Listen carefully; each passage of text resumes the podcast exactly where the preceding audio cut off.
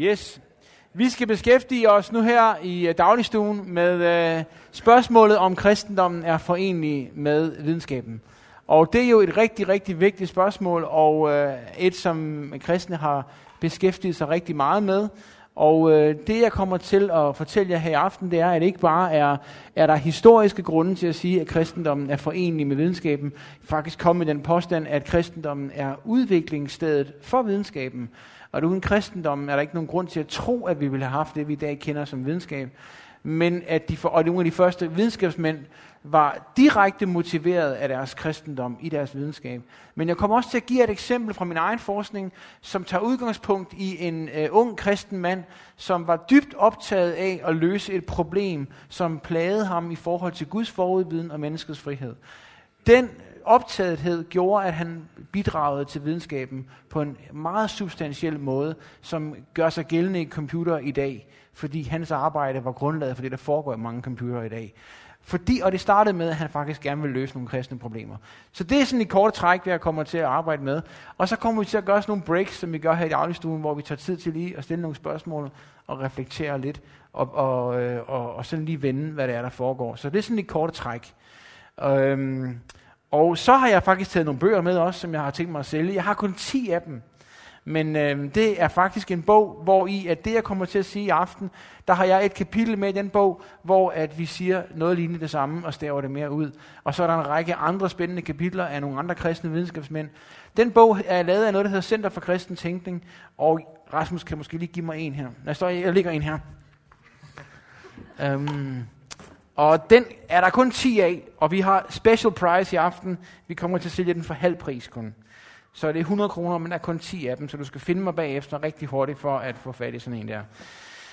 Yes, øh, og den er skrevet, fordi vi blev spurgt om, hvorfor I lavede sådan et center for kristen tænkning. Hvad er det, der gør jer så specielle? Hvad er det, I gerne vil? Vi vil gerne sige noget om, at kristendom og videnskab går hånd i hånd. Og så skrev vi sådan en bog. Og det er 10 videnskabsmænd, eller lidt flere videnskabsmænd, som arbejder for en bred vifte af videnskabsfelter, fra astrofysik til forskning i ernæring og, og, og mad. Og de svarer alle sammen på, på hvilken måde er kristendommen vigtig for deres forskningsfelt. Øhm, så det kan I læse om her, hvis I har lyst til det. Men lad os prøve at kaste os over det, at kristendommen og videnskaben øh, forenlige med hinanden.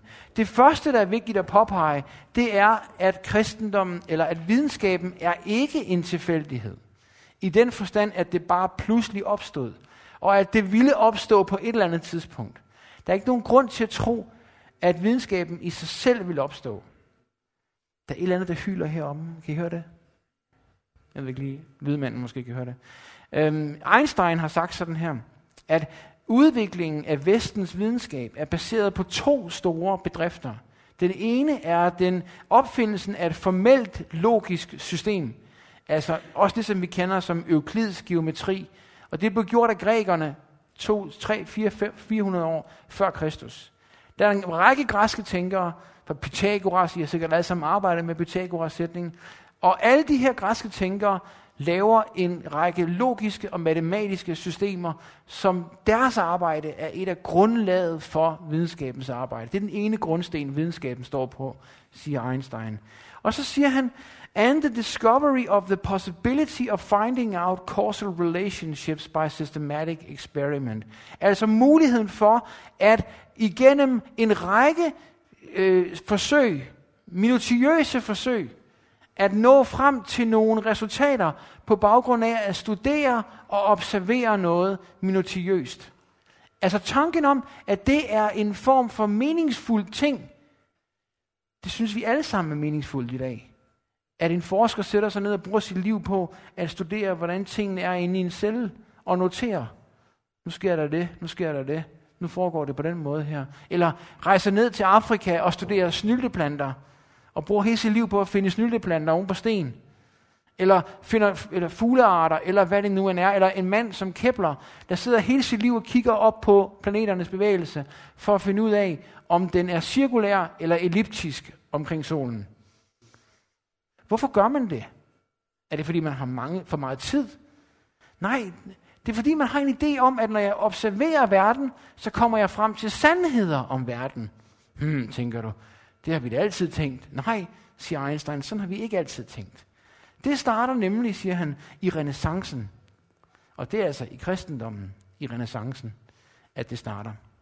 Og så siger han, efter min mening, så skulle vi ikke være forbløffet over, at det ikke var de kinesiske filosofer, som gjorde opdagelsen. Det helt forbløffende er, at den her opdagelse fandt sted i det hele taget. Altså kombinationen af to måder at tænke på om verden, i det som er absolut sikkert matematisk og logisk, og det som er rene tilfældigheder. Tilfældigheder, at fluen fløj der i stedet for der. At planten voksede på den sten frem for på den sten. Det kunne have været alle mulige andre måder. Men når jeg sidder og observerer dem, så finder jeg mønstre i, hvordan det er. Og det er meningsfuldt. Og kombinationen af de her to ting, det er det, der er videnskabens grundvold, siger Einstein. Øh, og øh, en af de store og vigtige personer i den her proces, det er en af mine helte, og det er den kristne tænker Augustin. Augustin var en skeptiker. Han var en, en libertiner, levede sit liv, som han ville, havde absolut ikke tænkt sig at følge sin mors formaninger. Hun formanede ham igen og igen om, at han skulle vende om til Jesus og blive døbt og give sit liv til Gud. Og han ville hellere ud og leve livet og, og, tu, og, og ture rundt i byen og drikke sig fuld og være sammen med kvinder, indtil Gud en dag fik fat i hans liv. Inden da havde han været skeptiker, og han var lynende intelligent. Og han havde været med i den her skeptiske skole, som prægede den græske verden på det tidspunkt. Den græske verden var ellers virkelig filosofiske skole, var grundlagt af tre stærke fyre, som Sokrates, Platon og Aristoteles. Som, og Platon startede et akademi, og det her akademi var grundlaget for meget af det, som vi i dag render rundt og laver, når vi laver filosofi. Jeg, jeg beskæftiger mig meget med filosofi. En af de vigtigste filosofer i det 20. århundrede var en, der John Norton Whitehead. Whitehead han sagde, alt det vi render rundt og laver som filosofer, filosofi, siger han, det er fodnoter til Platon. Så vigtig er Platon, siger han. Og der er ikke nogen, der rigtig sådan for alvor er uenig med ham. Platon og Aristoteles værker er så grundlæggende vigtige, at det vi alle sammen render rundt og laver de sidste 2.000 år, det er sådan en måde på, på at forstå dem. Og det er et stort fodnotearbejde, kan man sige. Øh, men ikke desto mindre, så var den græske verden ved at miste den her grundlag, som Platon havde lavet i, en, i et verdensbillede, hvor der findes absolute sandheder, og vi kan komme til at kende de her absolute sandheder. Og der var et grundlæggende spiren for det arbejde i det, han startede, som hedder Akademiet. Vi kalder, kender i dag godt navnet Akademiet. Ikke også? Det kaldte han sin første skole i Athen, Akademiet. I år 3, omkring år 300, så var Akademiet ledt af en skeptiker, som ikke troede, at vi kunne vide noget som helst. Han troede ikke, at viden var mulig i det hele taget. Så, så det var, det, var det, det stadie, det var på det tidspunkt. Og Augustin havde selv været en skeptiker. Så kommer han til Jesus, han kommer til Kristus, og det er en dejlig historie. Når I kan læse den en dag, så læs den. Fantastisk omvendelsesberetning. Men så går han straks i gang med bagefter at skrive et skrift, som er et af dem, han er blevet allermest kendt for. Det her skrift, der hedder Imod skeptikerne, eller Imod the Academicians. Altså dem, som ledte akademiet i Grækenland på det tidspunkt, og udspredte skepticistiske tanker rundt omkring i verden. At alt er relativt, du kan ikke vide noget som helst, du kan ikke have nogen viden om noget som helst. Alt det lavede han et argument for, og det argument var meget overbevisende. Hov, det er mig, der skal skifte den jo her. Hov, har jeg gået tilbage, eller hvad? Nå. Okay, det er det, han siger, Augustin, i sit, i sit skrift imod Academy, uh, the, uh, Against the Academicians. At jeg har forkastet alle andre ting, som, me, som dødelige mennesker går rundt og synes er godt, og hengivet mig selv til at søge efter visdom, siger han. Der er ikke nogen, der betvivler, at vi skal lære fra de to kræfter af autoritet og fornuft, siger han. Autoritet på den ene side, og fornuft på den anden side. Øh, derfor har jeg besluttet mig for, at jeg aldrig vil vige fra Jesu Kristi autoritet på noget spørgsmål nogensinde. Der findes ikke nogen stærkere autoritet end ham, siger han. Og når det drejer sig om de ting, som skal undersøges med den mest minutiøse undersøgen, eller det mest sådan øh, spekulerende undersøgen, så er min karakter sådan, for min karakter er sådan, at jeg er nødt til at få svar på de spørgsmål, som interesserer mig, og som kommer til mig og skal undersøges, og rejser min nysgerrighed. Jeg vil vide, hvad sandheden er omkring dem. Ikke bare ved tro, men også ved forstand, siger han. Altså, jeg er ikke tilfreds med bare at tro på de her ting. Jeg vil også gerne forstå de her ting. så siger han, så er jeg stadig overbevist om, at det er ved Platon, at jeg finder de her ting. Og at det ikke vil være i modsætning til den hellige skrift. Den her tankegang, den præger Europa de næste tusind år. Fra år 400 indtil de græske skeptikere, han skrev imod. Den stærkeste af dem var Sextus Empiricus. Hans skrifter, de ligger et eller andet sted i verden i tusind år på græsk, indtil at man i oplysningstiden tænker, lad os prøve at oversætte dem og tænke over de her tanker igen, og så dukker skepticismen op igen i oplysningstiden hos René Descartes og, og en række andre tænkere. Men her er, hvad nogle videnskabstænkere siger for eksempel, at man i det efterfølgende million, eller hun, million, tusind år har slåsset en lille smule kun med skepticismen, er nok ud fra den overbevisning, at Augustins gendrivelse af skepticismen var nok. Igen. At Augustins arbejde var nok. Han siger, anyway, Uh, one does find René Descartes, John Locke, David Hume, Immanuel Kant and other modern thinkers struggling mightily with Sextus' challenges. Altså skepticismens udfordringer. I den her periode, i løbet af de her tusind år, fra år 400 indtil år 1500, hvor Sextus Empiricus bliver oversat igen, der bliver videnskaben født i den periode. I den mellemliggende periode, kan man sige, der har vi en fredsperiode, hvor vi har en dyb tillid til, at vi kan vide de ting om den verden, vi er en del af. At vi kan vide, hvad objektive, absolute sandheder er for noget. At vi kan kende verden, vi kan studere verden, fordi Augustin siger, du har en indre lærer inden i dig, som er logos, og som hjælper dig til at se lyset, når du studerer verden. Så selvom vi har hver vores opfattelse af verden, så kan vi komme til sand viden omkring verden. Selvom du og jeg måske aldrig nogensinde er fuldstændig enige om nogle spørgsmål, så kan vi alligevel nå, enige, nå frem til enighed om en masse afgørende vigtige spørgsmål. Og det skyldes den hjælp, der er inde i os fra, øh, fra, øh, fra øh, det logos inde i os.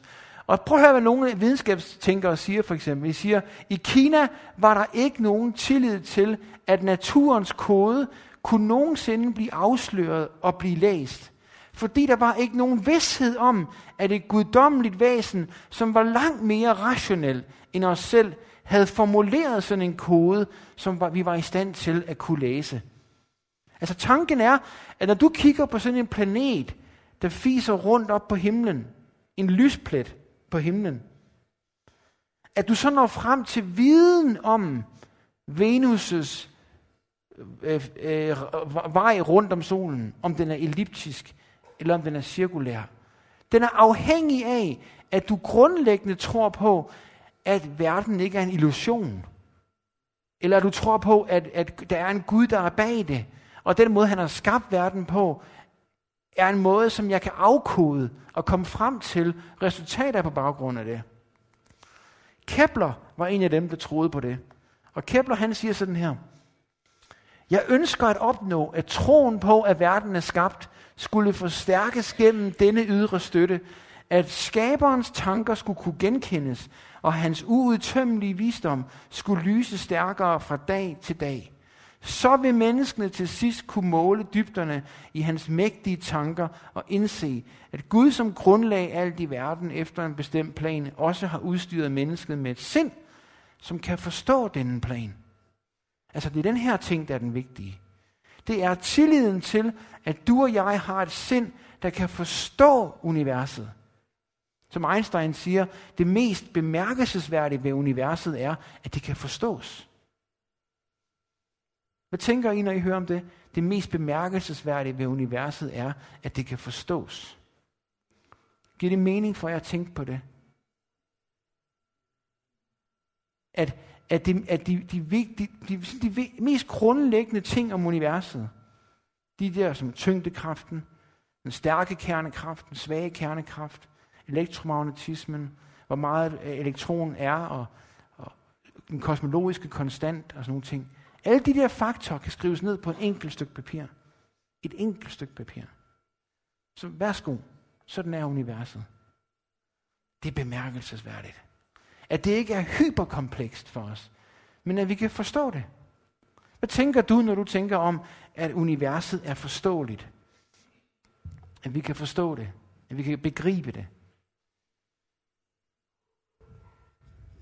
Jeg prøver at snakke med din sidemand om det her. Mens I, øh, mens I snakker, så lad mig lige tilføje et spørgsmål mere, mens vi er i gang. Hvilken rolle mener I, at troen spiller, eller spillede for Johannes Kepler i forhold til hans videnskab? Når I læser det derop. Ud fra det citat der, hvilken rolle vil du sige, troen spillede for Kepler i forhold til hans arbejde som videnskabsmand? Hvis du kunne have spurgt ham, hvilken rolle spiller troen for, at du kunne arbejde som videnskabsmand? Er troen vigtig for videnskaben? Hvad vil han sige til det spørgsmål? Prøv at fortælle det til din sidemand. Yes. Nu går vi videre. Nu skulle jeg godt tænke mig at fortælle jer om, hvordan at øh, ham der, han fik Turingprisen i 1996 af Mir Pnulli for at introducere verden for det, han troede var temporal logic. Eller han vidste faktisk godt, det ikke var hans opfindelse. Men han gjorde det, han tog springet og tog tidslogikken og viste, hvordan den er afgørende vigtig for computervidenskaben. Og, øh, og lavet nogle helt enestående bidrag til program- og systemverifikation, som bruges inden for computerverdenen.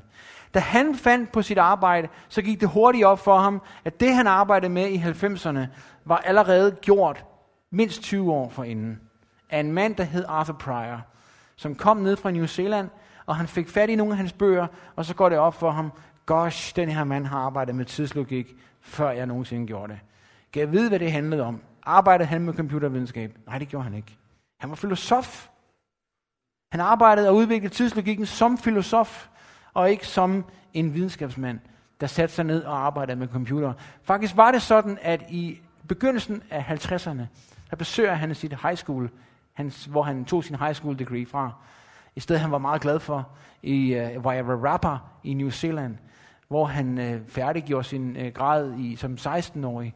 Og øh, så besøger han dem senere efter, han har opfundet tidslogikken, og han fortæller, hvorfor den her den er vigtig. Og så siger han, der er to ting, der afgør i forhold til tidslogikken, som er helt unik. Det ene det er, siger han, det ser ud som om, at de her ting, som han kaldte electric circuit machines, elektriske kredsløbsmaskiner, du kalder dem for en computer i dag.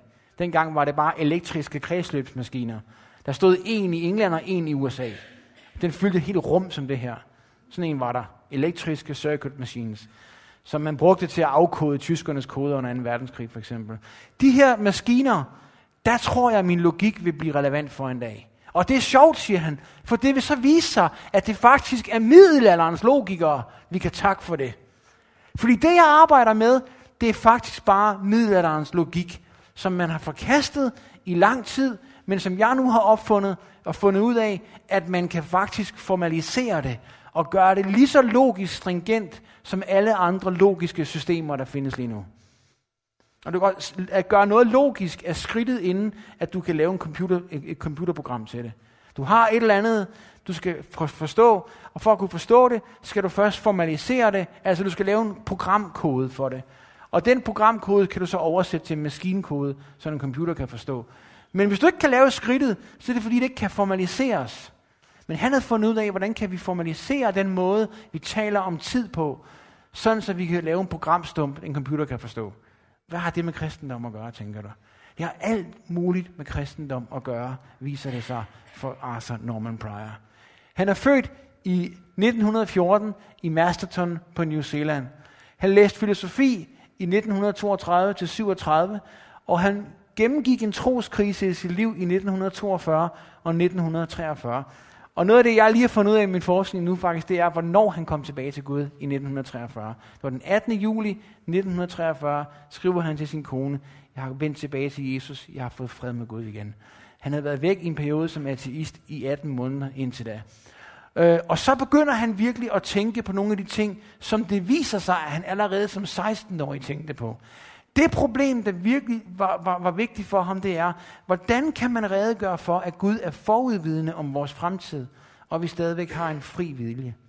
Kan Gud have viden om, hvad der sker i morgen, og jeg kan stadigvæk være fri til at ændre mine, mine planer omkring i morgen? For siger han, hvis Gud, hvis Gud ved, hvad der sker i morgen, så har i morgen allerede haft konsekvenser. Det har haft den konsekvens, at det har informeret Gud om, hvad der sker. Det har allerede skabt en viden hos Gud. Det kommer til at ske. Og hvis for, for, fremtiden allerede har skabt en viden om, hvad der kommer til at ske hos Gud, jamen, så er det enten fordi det er ham, der har determineret, at det er sådan. Så er det okay. Men hvis han ikke har determineret det, så har vi jo ingen fri vilje, hvis han har determineret det. Sådan tænkte han som 16-årig. Men hvis han ikke har gjort det, så må det være fordi fremtiden slet ikke er der endnu, og vi kan ikke danne os nogen overbevisninger om den. Alt det gik han og tænkte på som 16-årig, viser det sig. Og skrev faktisk en bog om det som 16-årig, som har ligget gemt og først blev fundet frem af mig faktisk for et halvt år siden i Oxford. Der fandt vi en bog, hvor han har skrevet som 16-årig omkring de her emner, for at finde ud af, hvordan skal man løse det. Og, øh, og der var han faktisk meget brændende kristen på det tidspunkt. Så det prægede hans liv, og det prægede hans tænkning, indtil han fandt en måde, hvorpå han kunne øh, begynde at arbejde med det på. Og det viser sig i hans arbejde, at de her herrer alle sammen har en fremtrædende plads. Da Arthur Pryor præsenterer den 27. august 1954 verden for hans logiske system, tidslogik, så tager det verden med storm, eller den logiske verden med storm, i 10 år. Alle snakker om det i de næste 10 år, og som 67 udgiver han sin anden bog omkring det. To år senere dør han alt for tidligt som 55-årig, og alle mulige andre mennesker har arbejdet videre med hans arbejde siden, og nu er det kommet ind i computer. Men i løbet af de 10 år handler det bare om tidslogik for ham. Og alt sammen centralt i den her diskussion, øh, i tidslogikken, er i alle hans værker, diskussionen omkring forudbestemmelse af menneskets fri vilje. Og han skriver det afgørende værk omkring det, som hedder... Øhm, øh, øh, nu skal jeg ikke sige så meget om det i, i detaljer, men øhm, jeg går igennem det. Alle de her tænkere er en eller anden, på en eller anden måde står de i gæld til Pryor. Er den mest afgørende er måske ham her, der hedder William Hasker, en kristen filosof, som øh, argumenterer for det, der hedder åben teisme. Åben teisme er af nogen betegnet som en ikke-kristen teori. Hvis man er åben teist, kan man næsten ikke være kristen. Er der nogen, der mener. Og det kan man også godt give et godt argument for. Men det man bare skal huske, når man giver et argument for det, det er, at det er mennesker, der mener, at fremtiden slet ikke findes, så derfor har Gud ingen tanker om fremtiden endnu. Øh, og det argumenterer de her folk for, at så, det kan man godt redegøre for inden for ortodoxien. Men de her folk er faktisk bevidst om, at de står i gæld til ham der, for at uddanne, for at lave de her tanker i første omgang. Men ham der er også en åben til, Greg Boyd. Ham her, ham her og ham her. Ham der, han er faktisk også. De, de er alle tre åben det er Clark Pinnock og Richard Swinburne og Peter van den De alle tre, alle de her folk skylder tak til Pryor, hvis man kan sige, at han skal have tak for det, fordi jeg er ikke enig med det synspunkt. Men ikke desto mindre, tankegangen i det synspunkt er, at hvis Gud har forudviden om fremtiden, så har vi ikke nogen frihed i forhold til fremtiden. Og det problem, det bliver så stærkt for ham faktisk, at det ender med at blive eksistentielt vanskeligt for ham at fastholde sin tro på Gud. Fordi han har svært ved at redegøre for, hvordan en Gud kan være suveræn og have kontrol over verden, hvis han ikke har forudviden omkring verden. Så det går ind og bliver et problem for ham faktisk. Det bliver et stort problem for ham, som de fleste af os forskere, som arbejder med det, siger, at han faktisk mister troen. Fordi han kommer til den konklusion, at det er et valg imellem, at Gud har stærkt forudbestemt fremtiden, eller han har ingen viden om fremtiden, og for ham betød det, så kan der ikke være en Gud, så, så giver det ikke mening at lave en tro på det grundlag, at der er en Gud. Men, men øh, de her folk har argumenteret for faktisk, øh, især ham her, har argumenteret for, at du godt kan teologisk stå på den grund.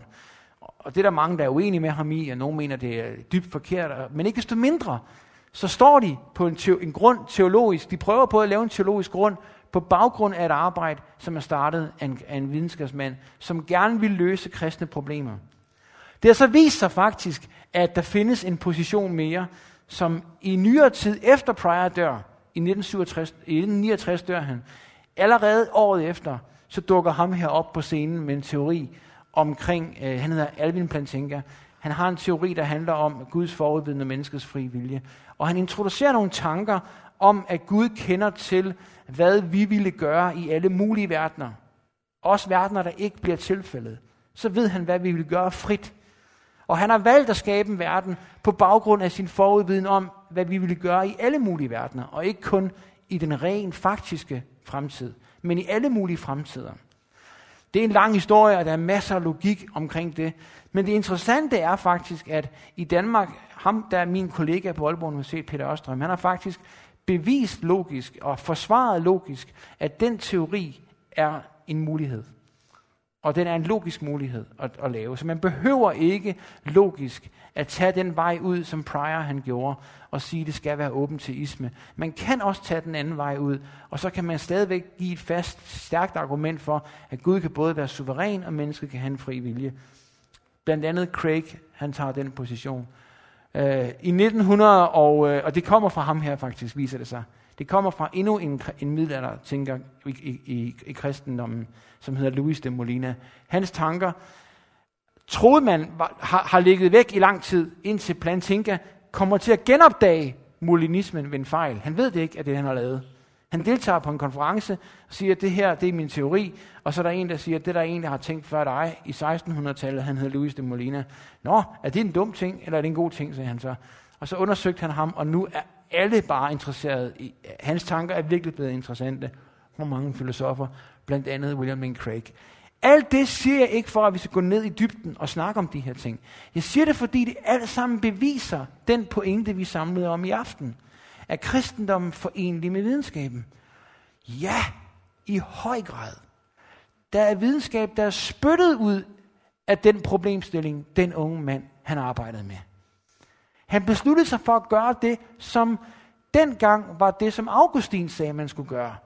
Sæt dig ned and by the most subtle reasoning. Tænk dig godt og grundigt om. Han gjorde det så godt og grundigt, at han lavede et logisk system for det. Og det logiske system er i dag anvendt i computervidenskaben. Til at lave, I teknologien også til at lave computerprogrammer. Så hvad, hvad er eksemplet på? Det er, at da i kristendommen som kristen, så står du på 2000 års intellektuel historie af, af tænkere, der er gået forud for dig og mig. Jeg tænker ikke, der er noget bedre sted at lave videnskab, end at lave det i fællesskabet med en bunke, videns, en bunke kloge mennesker, som har været med til at skabe den moderne verden gennem deres arbejde. Og igen og igen i den her diskussion har det vist sig, at som Arthur sagde, det kommer til at vise sig, at det er middelalderens logikere, som vi skal sige, det er jer, der egentlig startede tidslogikken. Det er ret interessant, er det ikke det? At det er en bunke kristne videnskabsmænd, en bunke kristne tænker i det, man kalder middelalderen, den mørke middelalder. Det er dem, der render rundt og laver tidslogikken, som man i dag anvender i computere. Så ikke blot er videnskaben historisk udsprunget af kristendommen, men videnskaben er også i dag med til at anspore viden, ny videnskab. Eller undskyld, kristendommen er med til at anspore kristendom. Videnskab, det er det, jeg vil sige. Og i det her eksempel synes jeg er meget interessant, fordi det peger også på en anden ting. Det peger på, at hvis du som videnskabsmand vil gå ind på de her præmisser, som Augustin går ind på, hvis du vil gå ind på præmissen, som han siger her, Uh, as for what is to be sought out by the most subtle reasoning, for my character is such that I'm impatient in my desire to apprehend what the truth is, not only by belief, but also by understanding. At hvis du tager det her alvorligt, og bringer dig selv i spil, du bringer dine beliefs i spil, okay, jeg vil finde ud af, hvordan det forholder sig. Jeg vil ikke bare tro på, at Gud har forudviden, og jeg er fri. Jeg vil vide, hvordan det forholder sig. Ja, så kan du ikke bare være med til at bidrage til ny videnskab, som han gjorde prior. Men du kan også være med til, og det er det faren i det, du bringer din tro i spil jo. For prior betød det faktisk, at han kom til et tidspunkt i sit liv, hvor han mente, hmm, jeg kan ikke fortsætte af den her vej, med mindre at jeg enten opgiver min teori om, at der ikke findes en fremtid, eller at jeg affinder mig med en Gud, der ikke kender fremtiden. Og jeg kan ikke gå nogen vej. Så for ham endte han med at sige, inden han døde, jeg er blevet agnostiker, sagde han, inden han døde. Jeg tænker, hvis du bare havde levet et par år mere, tænkte jeg sådan i starten, da jeg læste ham, så havde du mødt Plantinga. Jeg vide, om det har hjulpet. Men det viser sig faktisk, at han kendte til den teori allerede langt inden. Han kendte til Molinas teorier allerede før. Og faktisk havde udviklet modeller for det, men aldrig rigtig nået frem til at tage en endelig overbevisning omkring dem. Og det tror jeg er noget af det, som også er vigtigt i videnskabens arbejde. At Gud vil altid skabe en vej ud for dig. Det er det spændende ved at være videnskabsmand. Det er noget af det nye ved at være videnskabsmand. At der hele tiden er noget nyt, der venter. Er, er, er der ikke en model for det her, Gud? Er der ikke en vej her? Er der ikke en vej, hvor de her to ting kan gå sammen? Så det er det, som der egentlig startede hele processen for ham jo.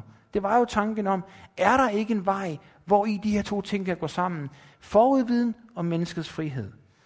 Så for mig at se, at det her egentlig ikke bare kun et eksempel på det, men også en ansporing til, at du og jeg kan gå ind i videnskabens arbejde, hvis du arbejder på universitetet, hvis det er den vej, du gerne vil gå med dit liv. Tænk på, at du har 2.000 år videnskabshistorie bag dig. Prøv at tænk på det som, at der er skatte gemt i videnskabens historie, i kristendommens historie. Teorier, der kan hjælpe os i dag med at løse problemer i morgen, hvis vi vil gå tilbage til vores kristne øh, øh, fædre og lytte til dem og læse dem og grave dem frem igen for at løse moderne problemstillinger.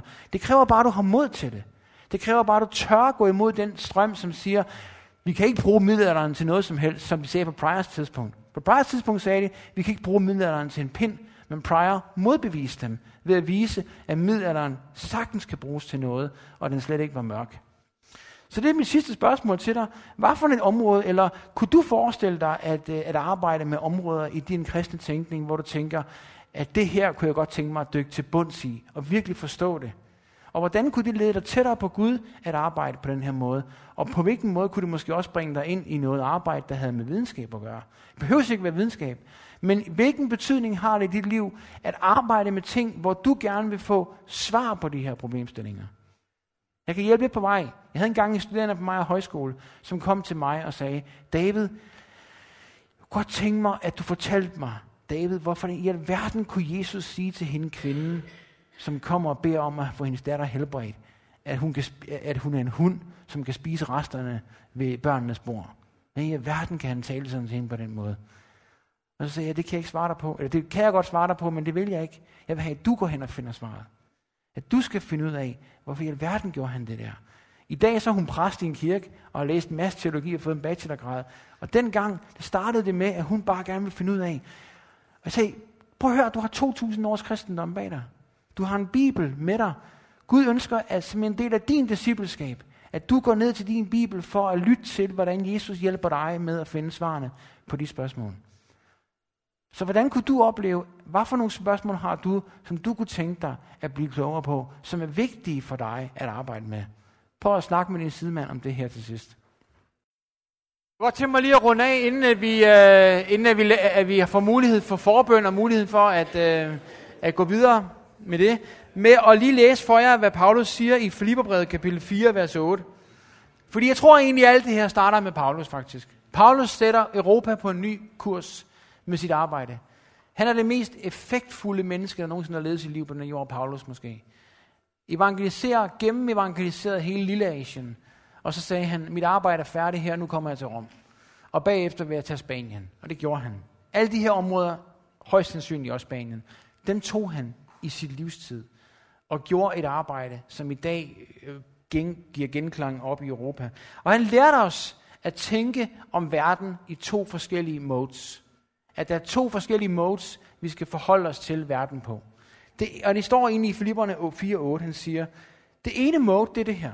I øvrigt, brødre, alt hvad der er sandt, alt hvad der er ædelt, alt hvad der er ret, alt hvad der er rent, alt hvad der er værd at elske, alt hvad der er værd at tale godt om. Kort sagt, det gode og det rosværdige, det skal I lægge i jeres sind. Beskæftig jer med det i jeres sind, siger han. Det er det ene mode. Det andet mode, siger han, det kommer her. Hvad I har hørt og lært og taget imod og set hos mig, det skal I gøre. Det er det, Paul Augustin tager fat i, når han siger, der er to måder, vi skal lære på i verden. Der er to kræfter, vi skal lære fra. Det er reason, læg det på dit sind. Hvad skal jeg lægge på mit sind? Alt, hvad der er ret. Alt, hvad der er rent. Alt, hvad der er rosværdigt. Alt, hvad der er sandt. Læg det på dit sind. Det andet mode, det er autoritet, siger August, Augustin, siger autoritet. Og det er det, Paulus siger, hvad I har hørt af mig, altså hvad jeg har sagt med min autoritet, lad det, få, lad det komme helt ind i dit hjerte. Derind, hvor det informerer din livsstil, den retning, de vinkler, du har på verden, de briller, du har på, den måde, du ser virkeligheden på, den måde, du vandrer på som menneske. Lad den blive informeret af mig, siger han. Altså med andre ord, af apostlene. Eller af Jesus Kristus og hans apostle, hans profeter. Eller med andre ord, af skriften. Jeg har to modes i mit liv. Jeg har plads til videnskaben på min ene side. Jeg har plads til Bibelen og autoriteten på den anden side. Hvad giver autoriteten mig? Jo, den giver mig de grundlæggende briller, som giver mig den grundlæggende tillid til, at Gud har skabt verden.